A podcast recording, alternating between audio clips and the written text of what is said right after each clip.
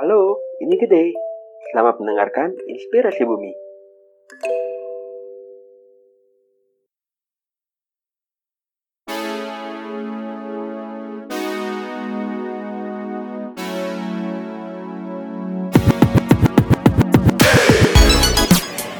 Enam FM dari Brodo Bandung Kreatif and Up to Date sahabat kreatif ya pernah nggak sih kamu ngebayangin satu hari aja nggak megang smartphone terus juga nggak nonton TV nggak megang laptop atau perangkat elektronik apa pun yang sering kamu pakai.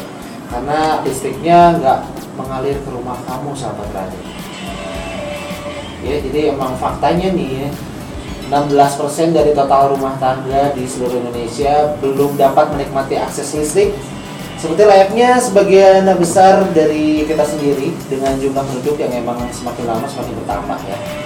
Jadi pastinya kebutuhan energi yang kita butuhin itu pastinya akan bertambah terus terus menerus untuk memenuhi kebutuhan energi ini tentunya kita juga harus membangun pembangkit-pembangkit listrik baru Nah dalam kasus negara kita Indonesia ini nih, ini berarti kita harus membakar jutaan ton bahan bakar fosil dalam berbagai bentuk. Nah melepaskan karbon dioksida dan berbagai polusi lainnya ke udara. Tapi ya emang harus kayak gitu ya. Nah, sahabat kreatif generasi hijau kali ini kita bakal ngebahas tentang energi baru terbarukan sebagai alternatif penyedia kebutuhan energi Indonesia di masa depan dan seperti biasa sebelum kita ngobrol sama narasumber yang sangat luar biasa, ini ada di samping saya biasanya saya senggol-senggol bacuk ya. ada Bro Made gimana? Hola, Ah, selamat bisa. pagi, gede. Ah, mati siapa? Iya. Beli gede Made. Ya, gara-gara gara-gara kemarin nggak ini ya nggak siaran Iya. gue lupa ya dan soalnya gitu. aku, ah, aku kemarin soalnya sama ada namanya teman aku Made Made gitu. Oh. Jadi, eh, kan sama-sama dari ini juga. Asal dari Bali ya, ya nggak apa-apa lah. Kalau gitu. Nih sama beli gede gimana bro? Sehat bro? Sehat alhamdulillah, cuman emang minggu kemarin tuh aduh badan drop banget tuh. Parah. Ai, ya. Untungnya sekarang udah fit lagi untuk Oh, nemenin iya. Kemarin kena racun dunia? Nggak? Kena racun Oh, dunia banget. ya? Parah. Oke, oke. Ini eh, selain juga ada eh, Bro Gede, tapi di sini juga ada narasumber yang sangat luar biasa sahabat kreatif ya. Jadi beliau ini adalah guru besar di Institut Teknologi Bandung dari kelompok keahlian material fungsional maju dengan fokus penelitian nanomaterial untuk eh, untuk energi dan juga lingkungan serta energi terbarukan. Ini ada Pak Profesor Brian Yulianto. Selamat Iya. pagi Pak. Selamat pagi, assalamualaikum warahmatullahi wabarakatuh. Waalaikumsalam. Sehat Pak? Sehat, alhamdulillah. Hai. Tadi ke sini naik sepeda juga kita, Hai. Sama, sama-sama sehat. Oke, next supaya sepeda lebih ya. green, ya kan? Oke, ini saya manggilnya Akang Prof aja atau gimana? Ah. Ya, Akang Prof ya. Kang Bri Ini juga, Kang. biar ada, biar ada sinerginya gitu. Ah. Aduh, Ah, istilah jadi baru ini, enak ya, istilah baru ini. Oke, eh, kabarnya sehat, Prof? Sehat, sehat, sehat. Aduh. Ini eh, kalau misalkan energi baru terbarukan, ini kayak Ya. gimana sih sebenarnya, Prof? Ya, jadi eh, sumber daya energi yang terutama sebagian besarnya dikonversi menjadi listrik begitu ya kan energi itu eh, bermacam-macam kita gunakan ada yang Oke. kita pakai dengan listrik ada yang kita pakai untuk transportasi apa bahan bakar eh, minyak BBM ya ada untuk eh, mobil kendaraan bermotor kemudian juga energi untuk di eh, rumah tangga seperti gas, LPG yang sekarang dan sebagainya. Nah, eh, sumber-sumber energi itu bermacam-macam. Oh, Utamanya itu ada dua. Yang pertama, yang sumber energi dari fosil. Nah, itu yang eh, eh, kita banyak kenal ya, seperti minyak bumi, Ah. batu bara, Ya.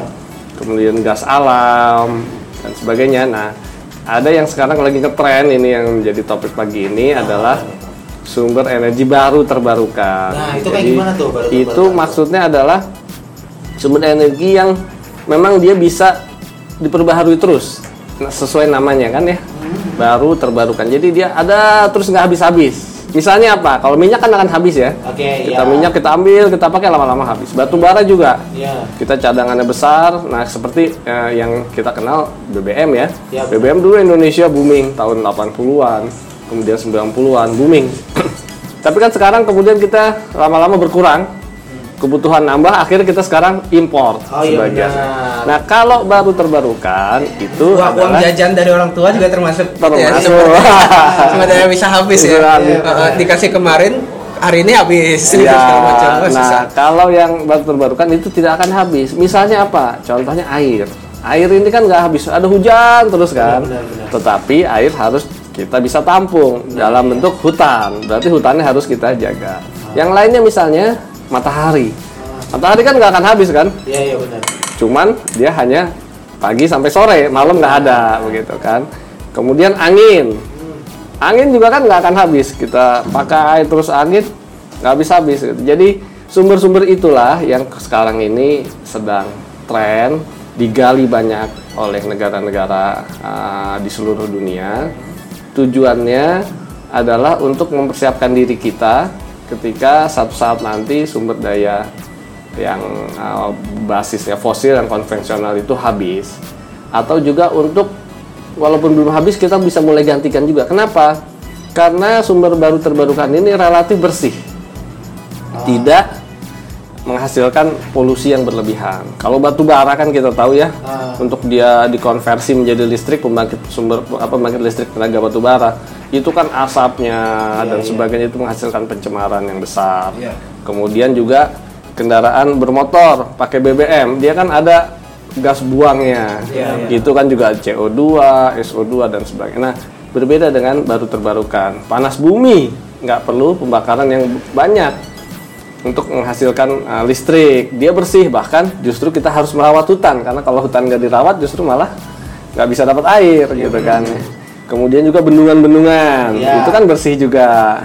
Kemudian matahari itu juga bersih. Angin dan sebagainya. Nah inilah yang mungkin kita nih Indonesia juga negara kita sebenarnya sudah mencanangkan target-target peningkatan energi terbarukan untuk menggantikan ya. Menggantikan mensubstitusi sumber energi konvensional yang lama yang semakin hari semakin habis. Begitu kira-kira. Kalau sekarang itu statusnya kalau misalkan Indonesia berapa persen sih Kang? Eh, kebutuhan energi kita itu yang disuplai dari eh, sumber-sumber energi yang bisa terbarukan ini kayak gitu Iya. dibandingkan yang di, Uh, sebenarnya memang Indonesia sudah punya target yang uh, apa bagaimana menaikkan sumber energi baru terbarukan ini. Uh, kalau saya tidak salah tuh tahun 2025 kita mentargetkan sekitar 20 persen begitu ya. Sekat dari yang dari sekarang? total. Sekarang ini nah sekarang ini kita mungkin sekitar masih di bawah 10 persen ya mungkin 7 atau 8 persen gitu. Jadi ini apa eh, yang akan terus ditingkatkan karena bagaimanapun kan batu bara kita akan habis minyak bumi kita juga akan habis mau nggak mau kita akan harus beralih ke sumber energi baru terbarukan. Selain bersih ya juga memang kebutuhan itu sangat besar. Apalagi nanti ini kita akan menghadapi satu era revolusi baru lagi yaitu revolusi mobil listrik. Oh iya. saya menyebutnya mobil kenapa itu revolusi?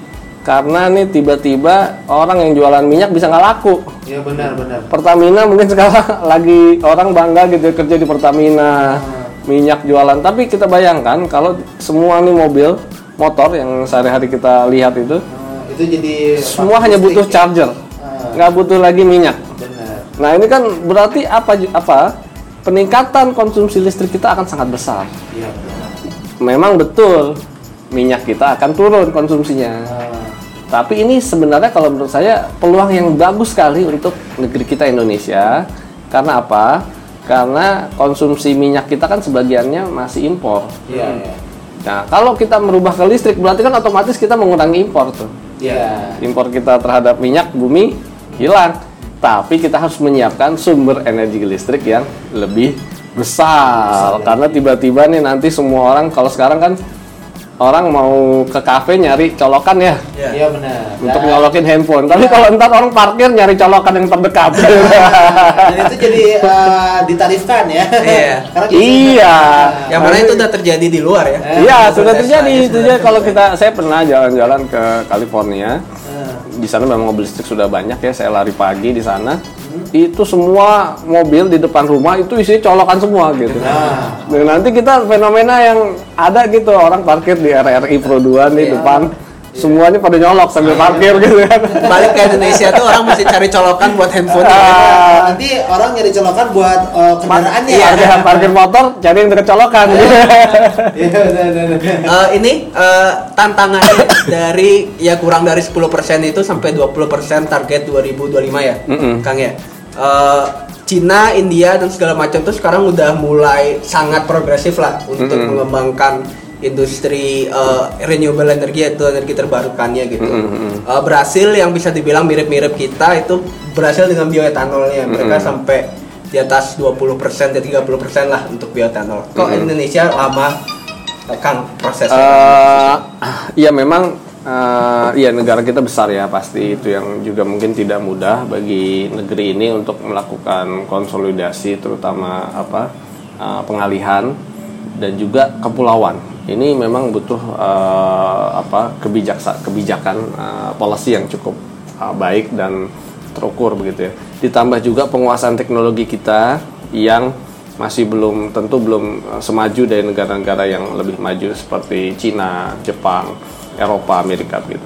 Nah ini yang eh, harusnya kita akan eh, terus konsolidasi. Saya pikir sekarang juga kita di ITB terus menerus diminta oleh pemerintahan SDM untuk eh, semakin hari semakin meningkatkan. Jadi penelit bagaimana penelitian-penelitian itu diarahkan kepada produk-produk yang eh, komersial begitu ya. Oke. Nah, Nah, jadi eh, saya pikir ini yang eh, perlu kita eh, lihat memang tidak mudah begitu, tetapi eh, sumber energi terbarukan ini menurut saya ada dua jenis ya. Yang pertama adalah jenis yang memang skalanya skala besar. Contohnya apa? Pembangkit listrik tenaga air, tenaga panas bumi. Nah, ini kan yang besar-besar, yang skalanya wah, beberapa giga bahkan gitu ya. Ada juga skala yang kecil-kecil seperti apa solar cell kemudian tenaga angin tenaga air juga tenaga air kan juga dibagi dua ya ada yang mikrohidro ada yang uh, pembangkit listrik tenaga air nah ini saya pikir harus digenjot terutama yang besar-besar supaya untuk target itu cepat naik oke. nah sementara yang kecil-kecil ini bisa diarahkan kepada daerah yang kepulauan-kepulauan. Karena pulau-pulau kecil kita itu kan butuh energi listrik. Kalau i, apa mengharapkan pembangkit listrik yang besar kan tentu sulit kan harus menarik kabel biayanya mahal. Nah ini sangat efektif kalau pembangkit listrik terbarukan yang uh, kecil-kecil itu justru diarahkan ke kepulauan, kemudian besar-besar uh, diarahkan ke pem- apa kebutuhan-kebutuhan besar di Pulau Jawa, Sumatera, Kalimantan yang butuh memang untuk industri, apalagi nanti tadi seperti saya sampaikan kalau mobil listrik ini berjalan. Nah, Jawa kan berarti akan naik nih kebutuhannya begitu. Oke, itu tadi ya. Jadi kalau misalkan kita pengen energinya terbarukan dan upgrade terus, nggak habis-habis, itu artinya kita juga persiapkan diri dan mau nggak mau juga ya itu tadi mau nggak mau kita juga harus agak sedikit mengurangi gitu ya. bijak lah Nah, itu Betul, betul, Ya. betul. Jadi buat kamu juga sahabat kreatif ya yang pengen ikut gabung berbincang sama kita dan uh, ngobrol-ngobrol dan boleh nanya ya ke Kang Prof ke, ke Kang Prof Brian uh, bisa nanya-nanya mengenai uh, tema kita pada hari ini Sang Surya membuat nyala. Waduh. Kamu boleh WhatsApp sahabat kreatif di 0816609696 dan kita bakal kembali lagi eh, buat beberapa lagu di depan jadi buat kamu tetap stay tune ya di 96 FM Radio Bandung Kreatif Date.